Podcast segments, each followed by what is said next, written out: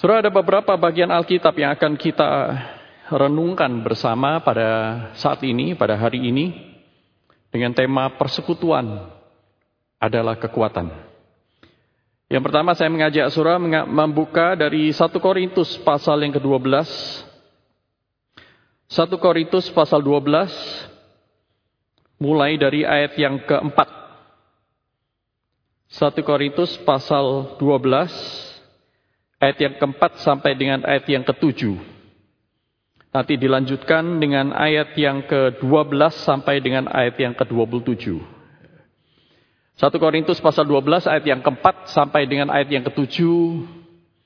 Hai jemaat Tuhan dengarlah firmannya. Demikian bunyi firman Tuhan. Ada rupa-rupa karunia tetapi satu roh. Dan ada rupa-rupa pelayanan tetapi satu Tuhan. Dan ada berbagai-bagai perbuatan ajaib tetapi Allah adalah satu yang mengerjakan semuanya dalam semua orang. Tetapi kepada tiap-tiap orang dikaruniakan penyataan roh untuk kepentingan bersama.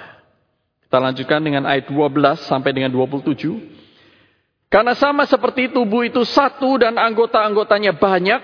Dan segala anggota itu sekalipun banyak merupakan satu tubuh. Demikian pula Kristus. Sebab dalam satu roh kita semua, baik orang Yahudi maupun orang Yunani, baik budak maupun orang merdeka, telah dibaptis atau dipersatukan menjadi satu tubuh dan kita semua diberi minum dari satu roh. Karena tubuh juga tidak terdiri dari satu anggota, tetapi atas banyak anggota. Andai kata kaki berkata, karena aku bukan tangan, aku tidak termasuk tubuh. Jadi benarkah ia tidak termasuk tubuh? Dan andai kata telinga berkata, karena aku bukan mata, maka aku tidak termasuk tubuh. Jadi benarkah ia tidak termasuk tubuh?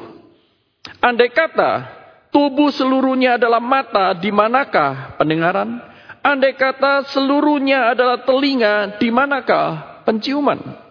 Tetapi Allah telah memberikan kepada anggota masing-masing secara khusus suatu tempat pada tubuh seperti yang dikehendakinya.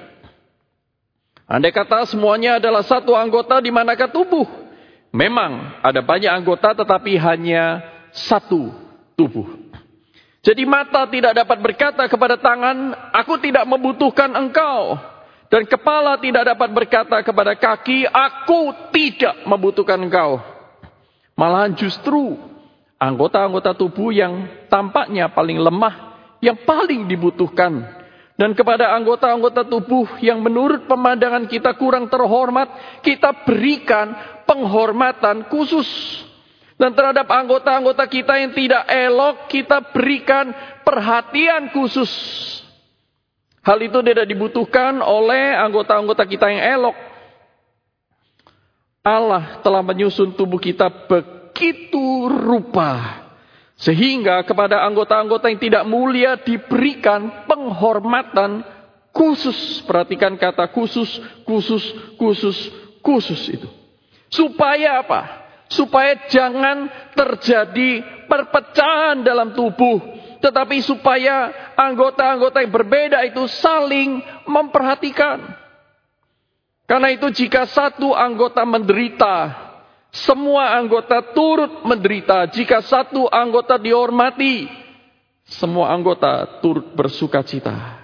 Kamu semua adalah tubuh Kristus dan kamu masing-masing adalah anggotanya.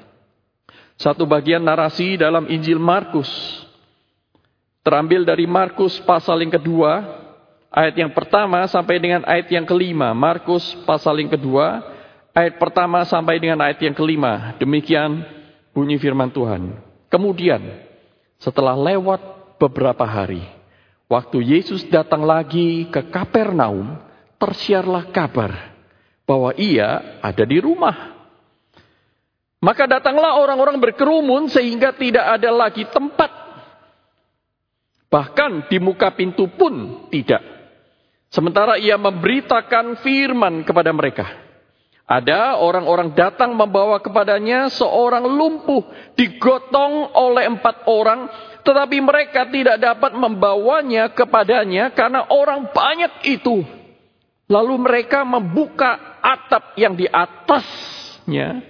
Sesudah terbuka mereka menurunkan tilam tempat orang lumpuh itu terbaring. Ketika Yesus melihat iman mereka.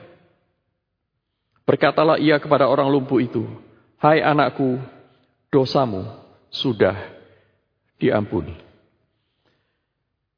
Saudara yang terkasih dalam Tuhan, di dalam Alkitab kita menemukan beberapa gambaran atau metafora yang dipakai oleh Tuhan Yesus untuk menggambarkan umatnya. Pertama, Alkitab menggunakan istilah bangsa seorang sebuah bangsa, bangsa yang kudus, umat kepunyaan Allah. Kemudian di dalam Alkitab juga dikatakan bahwa gereja atau umat pilihan Allah ini juga disebutkan sebagai bangunan. Yang dibangun di atas Kristus sebagai fondasi, sebagai batu penjuru dan pengajaran para rasul dan para nabi sebagai fondasi. Umatnya adalah sebuah bangunan. Ada pula dikatakan bahwa umat Allah itu adalah seperti sebatang pohon atau tumbuh-tumbuhan yang berakar pada Kristus. Dia bertumbuh dan berbuah karena mendapatkan pertumbuhan dari Sang Kristus. Kristus juga dikatakan sebagai pokok anggur, kita adalah ranting-rantingnya. Jadi suraku ketika berbicara tentang bangunan, di sana Kristus adalah batu penjuru. Kita adalah batu-batu hidup itu. Ketika berbicara tentang tumbuhan, Kristus adalah sumber pertumbuhan. Ketika berbicara tentang bangsa, Kristus atau Allah, Kristus adalah sang raja, Allah adalah yang memiliki bangsa tersebut. Namun suraku hari ini kita akan membahas, memikirkan bersama satu metafora yang berbeda, yaitu umat Allah sebagai satu tubuh. Di mana Kristus adalah kepalanya. Roh Kudus yang mempersatukan semua orang di dalam satu tubuh itu. Allah yang mempunyai segala sesuatu. Saudaraku, ketika Alkitab berbicara tentang tubuh, ada satu poin ingin disampaikan di sana yang penting sekali yaitu persekutuan. Persekutuan, persekutuan antara kepala dengan seluruh anggota tubuh dan persekutuan antara anggota tubuh yang satu dengan yang lain. Rasul Paulus berbicara banyak tentang tentang persekutuan antara Allah antara Kristus dengan seluruh anggota tubuh di bagian-bagian awal di pasal 12 tersebut, Suraku, 1 Korintus. Satu Tuhan, satu Allah, satu roh yang bekerja dalam semuanya, Suraku. Berbicara tentang Allah dan jemaatnya. Tetapi, Suraku, hari ini kita mau fokuskan antara persekutuan di antara anggota tubuh yang satu dengan yang lain. Charles Spurgeon berkata, persekutuan adalah kekuatan kesendirian adalah kelemahan. Sendirian, sebuah pohon raksasa tunduk kepada angin yang kencang dan terjerembab di atas rerumputan. Tetapi di dalam hutan, saling mendukung satu dengan yang lain, pohon-pohon yang lebih kecil menertawakan badai. Domba-domba Yesus bergerombol bersama elemen sosial adalah kejeniusan Kristiani. Demikian kata Charles Spurgeon. Tetapi saudaraku sekalian terkasih dalam Tuhan, banyak gereja sekarang kehilangan kejeniusan ini. Mereka kehilangan penghayatan atau pengertian yang mendalam tentang apa arti bersekutu sebagai tubuh Kristus. Sehingga banyak gereja terpecah-pecah. Gereja akhirnya berhenti hanya menjadi perkumpulan sosial. David Platt dalam salah satu bukunya Radical Together berkata banyak gereja menggunakan strategi yang unfortunately itu kelihatan menarik tetapi sebenarnya tidak alkitabiah. Banyak gereja berusaha untuk mendatangkan orang dengan menekankan 3P. Good performance. P pertama performance. Ya. Yang kedua itu adalah programs supaya orang yang datang itu terus-menerus datang, maka kita harus terus membuat program. Dan untuk menampung banyak orang yang datang itu, sehingga semakin banyak orang lagi datang, kita harus punya place, ruang yang besar. Tetapi herannya tiga ujung tombak dari strategi gereja modern ini, kata David Platt, telah mengabaikan satu yang paling penting, yaitu P yang satu ini, yaitu people of God. Persekutuan adalah kekuatan. Gereja tidak ditentukan dari gedung, gereja tidak ditentukan oleh program, gereja tidak ditentukan oleh fasilitas, gereja tidak ditentukan oleh performance di atas mimbar, tetapi gereja ditentukan dari kualitas orang-orang yang ada di dalamnya. Dan saudara tahu bagaimana kualitas orang-orang di dalamnya itu bisa bertumbuh? Tidak lain dan tidak bukan adalah persekutuan. Itulah yang disampaikan oleh Paulus dalam satu Korintus ini, saudaraku. Minimal ada dua hal yang penting yang saya ingin sampaikan. Supaya persekutuan di antara kita tidak hanya direduksi menjadi, wah, aku kenal kamu, dari mana kamu tahu saya? Ya kita kebaktian sama-sama. Titik. Berhenti di sana. Ya mungkin kita memang tidak mungkin bisa mengenal semua orang. Saudara, di dalam gedung ini. Di dalam satu kumpulan ribuan orang. Tetapi paling tidak, suraku, kita mengenal dengan cukup baik beberapa orang. Lima, sepuluh orang. Nah, suraku, jangan sampai persatuan itu direduksi menjadi perkumpulan sosial menjadi ajang pertunjukan yang bermenukan hal-hal yang rohani dan kebersamaan hanya menjadi slogan yang lama-lama benih-benih perpecahan itu akan bertumbuh dan menggerogoti persatuan yang Kristus sendiri sudah bangun. Paulus melihat benih-benih perpecahan itu di jemaat Korintus. Aku golongan Apolos, Aku golongan Paulus, aku golongan Yesus Kristus. Apakah tubuh-tubuh Kristus itu terbagi? Kata Paulus. Nah di bagian ini Paulus ingin menyoroti tentang persekutuan. Persekutuan seperti apa yang saudara dan saya miliki? Satu tubuh iya, terdiri dari banyak anggota berbeda-beda iya. Tetapi apa artinya dalam kehidupan kita sehari-hari? Apa artinya kebenaran ini bagi kita, bagi saudara dan saya yang setiap minggu datang mengharapkan Tuhan itu berbicara. Apa artinya? Yang pertama, suraku. Perhatikan di dalam ayat 14. Karena tubuh juga tidak terdiri dari satu anggota, tetapi terdiri atas banyak anggota. Kaki tidak bisa berkata, karena aku bukan tangan, maka aku bukan anggota tubuh. Telinga tidak bisa berkata, aku bukan mata, aku tidak termasuk tubuh. Saudaraku dalam bagian ini Paulus menyoroti bagian dari jemaat itu yang merasa diri mungkin minder. Aku kan bukan orang Yahudi. Apa mungkin aku itu bisa menjadi anggota gereja? Aku ini bukan orang merdeka. Aku ini budak. Apakah mungkin aku bisa bersatu bersekutu dengan orang-orang merdeka? Bos-bos saya. Dalam bagian ini Paulus mengatakan ya kamu memang bukan mata, kamu adalah telinga, tapi kamu juga adalah anggota tubuh.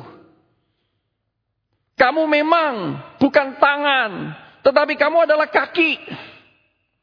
Tetapi kamu juga adalah anggota tubuh. Jadi artinya suraku tidak ada satu orang pun di antara kita yang berkata, saya ini tidak dibutuhkan kok di tempat ini. Tidak ada suraku. Kita memang bukan, mungkin bukan pengkhotbah. Saya memang bukan worship leader. Saya bukan penyambutan, saya bukan ini, bukan itu, saya tidak termasuk dalam nama-nama yang ada di dalam penata layan minggu ini. Tetapi bukan berarti saudara bukan anggota tubuh. Juga bukan berarti saudara boleh menjadi anggota yang bermalas-malasan. Bukan itu maksud saya, saudara. Tetapi perhatikan apa kata Paulus di sini.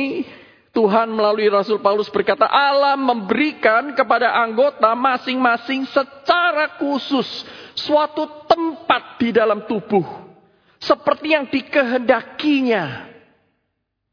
Andai kata tubuh itu terdiri dari satu anggota yang sama, maka di manakah tubuh itu bukan tubuh lagi. Jadi Paulus ingin mengatakan bahwa definisi dari satu tubuh itu karena dia terdiri dari banyak anggota. Definisi dari satu tubuh itu terdiri dari perbeda-beda. Keperbedaan itu, kepelbagaian. Kalau semuanya seragam itu bukan satu tubuh. Itu hanya kumpulan dari satu anggota. Memang ada banyak anggota tetapi hanya satu tubuh. Artinya suraku Paulus ini mengatakan, ya kita memang berbeda-beda tetapi setiap orang diberikan tempat khusus untuk bisa ber berkontribusi. Kalau semuanya mata, bagaimana engkau bisa mendengar? Kalau semuanya hidung, siapa yang bisa mengantarmu berjalan? Saudaraku, Paulus mengatakan bahwa tidak boleh ada orang minder di gereja. Dengan kata lain, minder dalam pengertian begini. Saya tidak bisa apa-apa, ya sudah saya jadi pasif saja. Saya menjadi orang yang Ya, yang penting kasih persembahan kan sudah. Senyum-senyum dikit ya. Datang ke gereja, pulang. Setelah itu ya sudah. Saya jadi anak Tuhan. Haleluya. Diselamatkan. Mati masuk surga. Saudara punya seribu satu macam alasan untuk meragukan orang seperti itu anak Tuhan atau tidak. Karena anak Tuhan yang sejati akan mempertuankan Kristus. Mempertuankan Kristus berarti saudara melakukan firman. Melakukan firman. Hari ini dikatakan tiap orang punya tempat khusus untuk berkontribusi. Masalahnya apakah kontribusi itu? Bagaimana saudara dan saya bisa menemukan kontribusi? Tempat di mana saya bisa berfungsi sebagai anggota tubuh Kristus. Saudara, saya mengenal seorang ibu bernama Ibu Go. Beliau baru saja meninggal. Teman-teman GKY tentu yang sudah lama di GKY mengenal Ibu Meriko, Ibu Loisco. Ya ini Ibu Go ini adalah ibu mama dari mendiang Ibu Meriko dan Loisco.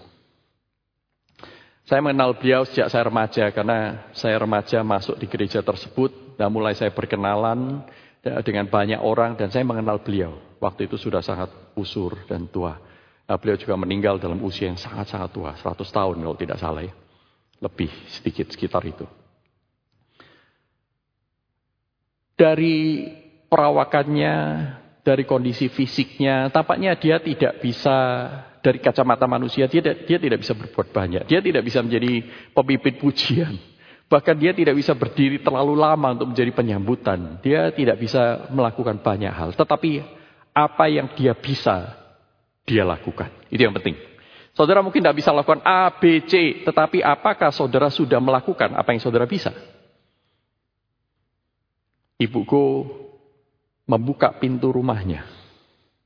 Untuk anak-anak sekolah minggu itu boleh datang. Dia mengatakan pada gereja, silakan pakai rumah saya untuk menjadi satu tempat penjangkauan untuk anak-anak di kampung ini. Maka gereja mulai mengirimkan satu dua orang guru sekolah minggu, anak-anak dikumpulkan, sampai akhirnya, sampai hari ini suraku, rumahnya itu menjadi gereja. Dia buka pintu rumahnya, saya yakin dia juga bersihkan setelah semuanya dipakai. Dia bisa lakukan itu untuk Tuhan, dia lakukan. Saya tidak tahu apa yang saudara bisa lakukan. Saudara bisa lakukan banyak hal. Dan tidak harus di gedung gereja untuk saudara bisa berfungsi sebagai gereja. Ini ini satu kesalahpahaman dari banyak orang. Kita pikir melayani Tuhan itu di dalam gedung gereja. Tuhan tidak panggil setiap kita melayani di dalam gedung gereja. Saudara dan saya dipanggil oleh Tuhan. Setiap kita. Saudara toleh ya, kiri kanan nih. Ya, kamu juga. Ya, kalian semua. Kita semua dipanggil untuk menjadi gereja yang melayani di masyarakat. Bukan kumpul di gedung gereja baru kita menganggap diri melayani. Ketika Anda menghadirkan Kristus di dalam kasihnya, dalam belas kasihannya, membagikan pengampunan demi pengampunan kepada orang yang bersalah kepada Anda. Anda sedang melayani masyarakat yang sakit. Anda menghadirkan, mewartakan Kristus kepada mereka. Ketika pandemi terjadi, suruhku, saya dan istri berpikir apa yang kami bisa lakukan selain pelayanan yang kami kerjakan sehari-hari. Saya tidak punya ide, suraku, selain berusaha untuk memperhatikan calling sana sini, menanyakan keadaan, mendoakan dan seterusnya. Istri saya punya ide lebih banyak. Kenapa kita tidak bikin face shield? Dia cari di YouTube bagaimana membuat face shield secara mandiri. Ternyata gampang. Ya. Lalu dia mulai order dari toko shop online itu, suraku. Mika, gabus, spons itu, Nah, kemudian alat plong, tali karet. Waduh, dari kemudian dia mulai membuat satu, menggandakannya, dan ribuan, suraku. Kami bagi-bagikan ke rumah sakit-rumah sakit. Dan istri saya mengajak teman-teman yang lain, ibu-ibu yang lain yang tidak tahu harus berbuat apa dalam WFH ini untuk melakukan hal yang sama. Mengirimkan. Hal yang sederhana. Saudara perlu di-unleash Perlu dilepaskan, dikreatifkan. Perlu dilepaskan dari satu pandangan yang keliru bahwa melayani itu hanya di dalam gedung. Saudara bisa melayani di sekitar Anda. Melayani orang di rumah Anda. Melayani tetangga Anda. Saudaraku, hari ini firman Tuhan mengatakan tidak ada satu orang pun berhak untuk mengatakan. Karena aku tidak bisa ini, aku tidak bisa itu. Karena aku tidak bisa ini, aku tidak bisa menjadi gereja. Aku tidak bisa menjadi anggota tubuh yang berfungsi. Tidak. Semua orang diberikan satu tempat khusus oleh Tuhan. Diberikan kemampuan khusus yang mungkin orang lain tidak bisa lakukan. Tetapi saudara dan saya bisa lakukan di tempat itu kepada orang itu. Yang kedua. Tubuh terdiri dari anggota-anggota yang terhubung satu dengan yang lain. Ini bagian yang kedua, suraku. Jadi mata tidak dapat berkata kepada tangan, aku tidak membutuhkan engkau. Dan kepala tidak dapat berkata kepada kaki, aku tidak membutuhkan engkau. Ini kebalikan dari bagian yang pertama tadi. Kalau bagian pertama tadi untuk orang-orang maaf dan tanda kutip yang merasa diri tidak mampu apa-apa. Tetapi yang kedua ini adalah mereka yang membanggakan diri dengan kemampuannya. Seolah-olah karena aku mata dan kamu bukan mata, aku tidak butuh kamu. Seolah-olah tubuh itu hanya terdiri dari dia. Dia terlalu tinggi hati begitu rupa sehingga tidak pernah muncul dari mulutnya. Aku membutuhkan engkau. Paulus menegur dengan lebih direct, suraku. Lebih langsung dan dia berkata, jadi mata tidak dapat berkata. Kalau di bagian yang pertama tadi, andai kata. ya Andai kata kaki berkata. Ini kan tidak direct. Tetapi bagian yang kedua, Paulus tampaknya sedikit lebih keras. Dia berkata, mata tidak bisa berkata kepada kaki. Kamu tidak boleh berkata kepada satu orang pun di dalam gedung ini, di dalam persekutuan anak-anak Tuhan, aku tidak butuh kamu. Itu melawan Tuhan. Saudara berdosa kepada Tuhan. Aku tidak butuh kamu. Keluar. Kamu tidak ikut dengan aku. Keluar. Kamu tidak setuju dengan aku. Pergi. Cari ladang pelayanan yang lain. Bukan hanya. Itu tidak sesuai dengan firman Tuhan. Itu mengganggu pekerjaan Tuhan di muka bumi. Mata tidak dapat berkata kepada kaki, aku tidak butuh engkau. Dan kepala tidak dapat berkata kepada kaki, aku tidak membutuhkan engkau. Paulus berargumen lagi. Oke, katakanlah, katakanlah, as if, seandainya. Seandainya memang kaki itu lebih inferior daripada mata. Ini seandainya ya. Paulus berkata, seandainya. Tetapi perhatikan, malahan justru anggota-anggota tubuh yang tampaknya paling lemah. Tampaknya, tetapi belum tentu dia lemah. Tampaknya paling lemah, dia yang justru paling dibutuhkan. Saya pikir-pikir, anggota tubuh apa yang tampak paling lemah tapi paling dibutuhkan? Misalnya jantung, saudara. Jantung ini tampaknya lemah karena dia tidak punya kerangka, dia mudah terluka, kesodok sedikit sakit, ya kan? Tetapi suraku, Mana ada di dalam tubuh kita ini yang bekerja sekeras jantung. Dia bekerja non-stop 24 kali 7 jam dan seumur hidup Anda.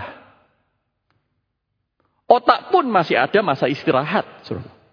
Jantung enggak, dia terus berdegup. Kelihatan lemah tetapi sangat dibutuhkan.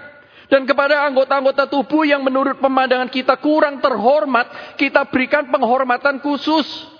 Dan terhadap anggota-anggota kita yang tidak elok, kita berikan perhatian khusus. Hal itu tidak dibutuhkan oleh anggota-anggota kita yang elok. Allah telah menyusun tubuh kita begitu rupa sehingga kepada anggota-anggota yang tidak mulia diberikan penghormatan khusus. Artinya apa? Tidak ada satu orang pun berkata, aku tidak butuh engkau. Justru Allah mengatakan, kalau dia lebih inferior, kamu anggap dirimu lebih superior daripada orang tersebut.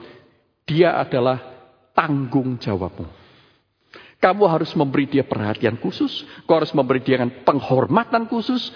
Engkau harus betul-betul menolong orang tersebut, melindungi orang tersebut untuk bertumbuh secara khusus. Luar biasa. Khusus.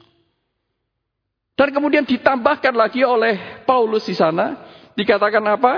Supaya jangan terjadi perpecahan. Benih perpecahan adalah ketika orang tidak membutuhkan yang lain. Benih perpecahan ketika kesombongan diri menggantikan kerendahan hati. Benih perpecahan itu akan muncul ketika orang merasa paling benar sendiri. Dan tidak membutuhkan nasihat, masukan, mempertimbangkan hal-hal yang lain. Apalagi Tuhan. Surah yang terkasih dalam Tuhan bagian ini ingin mengatakan bahwa jangan. Janganlah terjadi perpecahan itu. Tuhan tidak mendesain tubuh kita untuk terpecah belah karena kita berbeda. Sebaliknya, Tuhan mendesain tubuh kita berbeda-beda supaya satu dengan yang lain itu saling menolong, saling mendukung, saling memperhatikan. Sehingga kita berbeda dari seluruh komunitas di dunia. Kita berbeda dari kumpulan-kumpulan yang tidak mengenal Allah. Ketika orang masuk di dalam kumpulan kamu, orang itu bisa merasakan aroma kasih. Aroma kasih. Nggak bisa dibeli di supermarket. Cari aroma kasih, penyemprot itu. Tidak ada. Aroma kasih itu tidak bisa dibohongi. Saudara tidak bisa pura-pura dengan aroma kasih. Mungkin orang satu dua kali akan tertipu tetapi tidak bisa terus-terusan orang pakai kosmetik. Salah satu anggota KTB saya berkata, bertanya seperti ini. Saya pernah menginjili beberapa orang. Memperkenalkan orang kepada Kristus dan dia tertarik mengenal Kristus lebih lanjut. Maka saya hantar dia ke gereja. Tetapi hanya bertahan beberapa bulan, setelah itu dia keluar dari gereja. Dan ketika saya bertanya kepadanya, kenapa kamu tidak beribadah di sana lagi? Aduh, saya lebih senang ngobrol dengan kamu daripada di gereja. Loh kenapa? Aduh, di gereja itu gosipnya minta ampun. Saya tidak malah mengenal Kristus. Saya malah meragukan apakah orang-orang di gereja itu mengenal Kristus. Karena apa? Apa yang diberitakan tidak sama dengan apa yang mereka lakukan. Yang diberitakan kasih, pengampunan. Kalau ada orang jatuh, bahwa ya diangkat. Jangan dibiarkan di seberang jalan. Enggak. Yang ada di gereja ada dihakimi, dihancurkan, disingkirkan. Lalu anggota KTB saya bertanya, waduh, saya bilang, sayang sekali ya. Tapi itu terjadi di banyak gereja, saudara. Saya mengenal seorang Bapak, seorang bapak waktu itu parubaya, beliau saat ini sudah meninggal. Dia pergi ke gereja seorang diri, tidak ada yang ngajak, tidak ada yang ngajak. Dia datang duduk di belakang. Berbulan-bulan, bukan satu kali, bukan dua kali, berbulan-bulan. Saya yakin, mengenal Bapak ini dengan karakter dan kepribadiannya. Waktu dia datang itu dia pasti tidak akan malu kalau ditanya siapa di antara jemaat yang hari ini baru datang pertama kali, bolehkah kami mengenal Anda? Silakan bangkit berdiri. Saya yakin Bapak ini pasti bangkit berdiri. Apalagi setelah tahu yang bangkit berdiri dapat mug, dapat buku, dapat goodie bag ya. Saya yakin dia pasti bangkit berdiri. Tetapi kemudian setelah berapa bulan berlalu, dua tiga bulan, dia mengatakan aku tidak pergi ke sana lagi. Waduh, sayang sekali. Justru di dalam gedung gereja mereka tidak menemukan Kristus. Kristus yang menyambut. Kristus yang mengampuni. Kristus yang ramah. Kristus yang berusaha mendengar. Lebih daripada menghakimi. Kristus yang kasihnya tak berkesudahan itu. Kristus yang panjang sabar itu. Kristus yang tidak tinggal diam. Kristus yang selalu berusaha menolong, mengulurkan tangan orang-orang yang dijauhi. Menemani orang-orang yang menjauhkan diri dari kerumunan. Perempuan Samaria sedang berusaha menjauhi kerumunan ketika dia berada di pinggir sumur Yakub itu. Tapi justru di sanalah Kristus menjumpai dia. Janda di Nain yang meraung-raung menangis mengantar anak tunggalnya menuju tempat penguburannya. Justru di sanalah Kristus menjumpai dia dan membangkitkan anak itu. Tuhan Yesus tahu apa artinya penderitaan seorang janda? Karena Maria juga adalah seorang janda. Belas kasih hanya tergerak.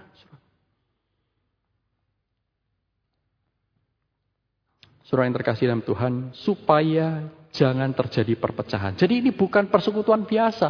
Bukan persekutuan, well, karena kita bayar iuran. Bukan persekutuan perasaan dekat manusiawi semata, karena kita sering ketemu. Bukan.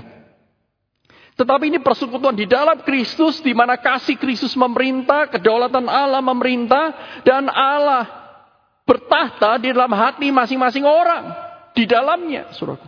Ini persekutuan seperti ini. Sehingga persekutuan di mana Kristus memerintah ini akan begitu mudah dan dimampukan Allah untuk memberikan perhatian khusus. Aku tahu kamu lemah. Aku tahu kamu jatuh dalam dosa. Aku tahu kamu tidak sempurna. Well, siapa di antara kita yang tidak pernah berdosa? Siapa di antara kita yang sempurna? Siapa di antara kita yang gak punya kelemahan? Tapi aku mau menjadi saudaramu. Di sanalah Kristus bertata dan di sanalah Kristus membuat perbedaan antara gereja yang sejati dengan kumpulan kumpulan orang yang tidak mengenal Allah. Tapi yang seperti itu apa ada Pak? Mungkin Anda bertanya. Ada. Ada. Mungkin di dalam skala kecil di gereja ini ada kumpulan orang-orang yang bertumbuh di dalam Kristus. Saudara perlu mencari orang-orang seperti itu. Saudara, komunitas seperti apa ini yang kita butuhkan? Supaya saudara dan saya bisa terus bertumbuh menyerupa Kristus, menjadi murid-murid Kristus dan tidak Justru yang bertumbuh itu malah kemunafikan, kosmetik kita yang banyak. Semakin mengikut Tuhan, semakin kebal hati kita. Dan terbiasa begitu natural, pura-pura menjadi orang baik. Apalagi bersembunyi di balik jabatan-jabatan mungkin. Setelah itulah sebabnya saya membawa, mengajak Anda untuk membaca Markus 2 tadi ayat 1 sampai 5. Sebuah kisah yang mungkin saudara sudah tahu dan sering mendengarnya, yaitu ketika Tuhan Yesus datang di Kapernaum, orang-orang itu mendengar kabar, oh Tuhan Yesus ada di rumah si A. Ayo kita rame-rame ke sana, kita ingin mendengarkan hikmatnya. Saking ramenya penuh surahku sampai pintu depan pun itu penuh dengan orang. Sehingga empat orang yang membawa, mengusung temannya dalam tilam ini tidak bisa masuk. Coba, coba bayangkan ya, bayangkan. Seorang lumpuh ini tiba-tiba di rumahnya, di dalam ketidakberdayaannya, berbaring di atas uh, di atas ranjang ranjangnya di kamarnya yang gelap dan pengap itu, temannya itu langsung menyeruak masuk empat orang. Eh, hari ini ada kabar baik. Tuhan Yesus datang di kota kita. Kami akan mengajak kamu ke sana. Mungkin orang yang lumpuh ini berkata, sudahlah, tidak usah tidak usah ngerepotin guru. Lagi pula pasti ada banyak orang berkerumun di sana. Kamu tidak mungkin bisa. Tidak mungkin bisa membawa aku ke sana. Tidak bisa bawa ke sana. Sudahlah, aku juga sudah terima kok dengan keadaanku. Biarkan aku begini, biarkan aku mati dalam kelumpuhanku. Tetapi empat orang ini tidak putus asa. Dia berkata, tidak. You cannot say no. Kami akan membawa kamu kepada Kristus. Dan meminta dia untuk melakukan apa yang dikehendakinya. Kalau dia mau menyembuhkan silakan, kamu tidak sembuh, paling tidak kamu bertemu dengan one amazing person. Allah yang mengasihi kamu. At least. Nah kemudian si orang yang lumpuh no, tidak usah lah, aduh, tidak usah repot-repot, aku itu sungkan sama kalian, tidak usah. Nah, tidak bisa. Langsung mereka mengambil tilam, memindahkan, no, no, meronta-ronta, dia nggak bisa karena dia lumpuh. Ditaruh di atas tilam, mungkin kaki dan tangannya itu diikat supaya tidak tidak jatuh suraku ya. Karena mereka akan cepat-cepat. Maka berlarilah mereka menuju rumah. Ketika melihat, waduh. Penuh sekali. Lalu mereka melihat sekeliling. Ah, lewat atas. Bagaimana caranya ke atas? Oh, pergi ke rumah sebelah. Ada tangganya. Naik tangga, ngotong berempat ya. Setiap orang pegang satu sisi. Berempat gotong naik ke atas.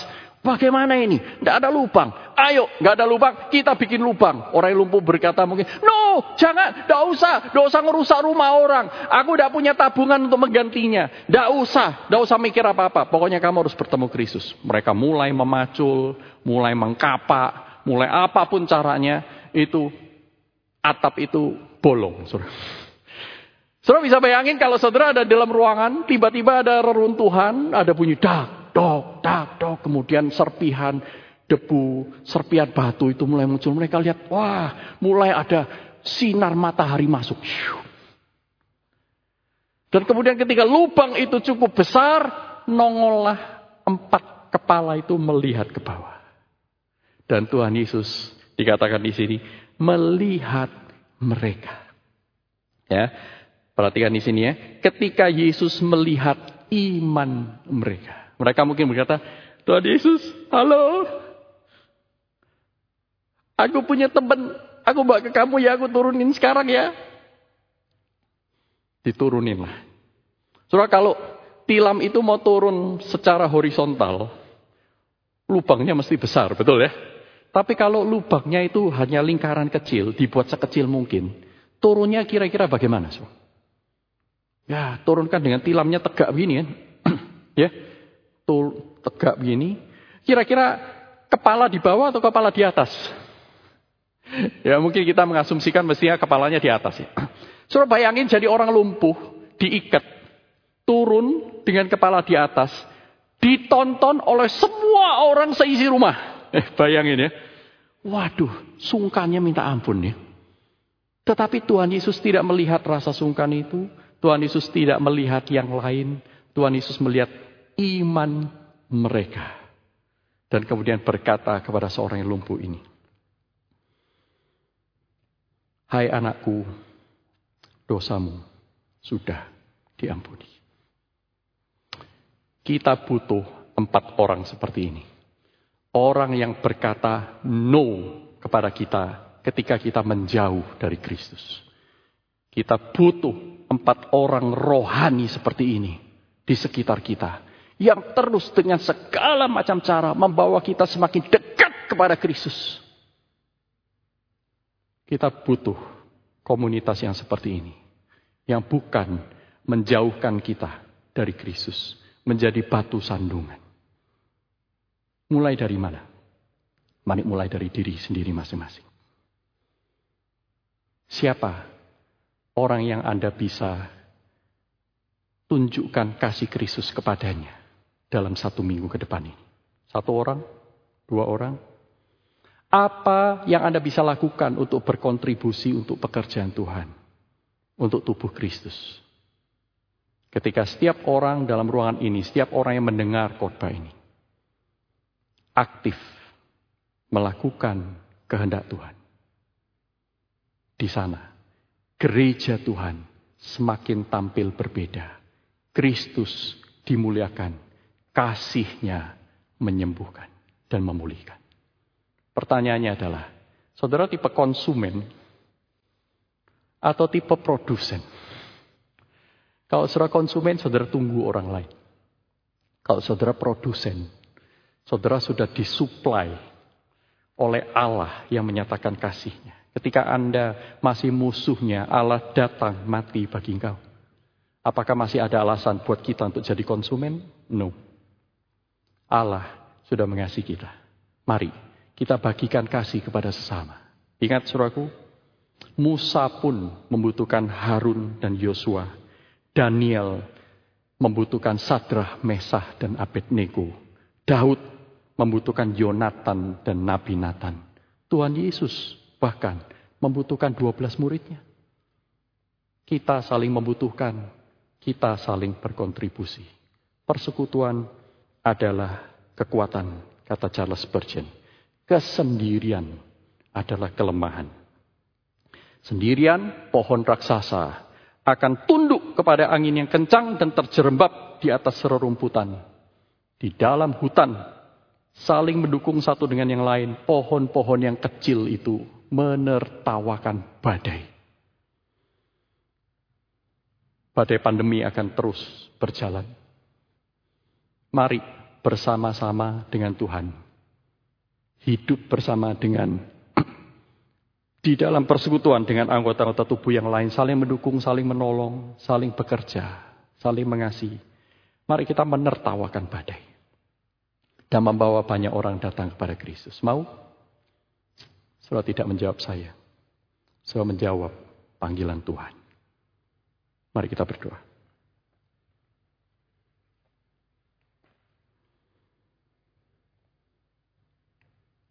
Begitu banyak kasihmu kepada kami. Tak henti-hentinya engkau curahkan dari hari ke hari. Tanpa kami sanggup menyebutkannya satu persatu. Tolong kami tidak menjadi kantong penerima anugerah. Tetapi menjadi selang yang membagi-bagikan anugerah tersebut. Tolong kami Tuhan berkontribusi bagi persekutuan tubuh Kristus yang ada di gereja kami masing-masing. Sehingga dengan demikian Kristus sebagai kepala akan semakin ditinggikan, semakin dimuliakan.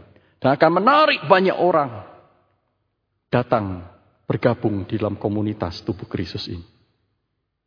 Yaitu ketika Kristus berkuasa, kasihmu dinyatakan, kebenaranmu ditegakkan, belas kasihanmu boleh bertumbuh berbuah lebat. Di dalam nama Tuhan Yesus Kristus, Tolong kami Tuhan masing-masing untuk menjadi pelaku firman. Amin. Tuhan memberkati kita semua.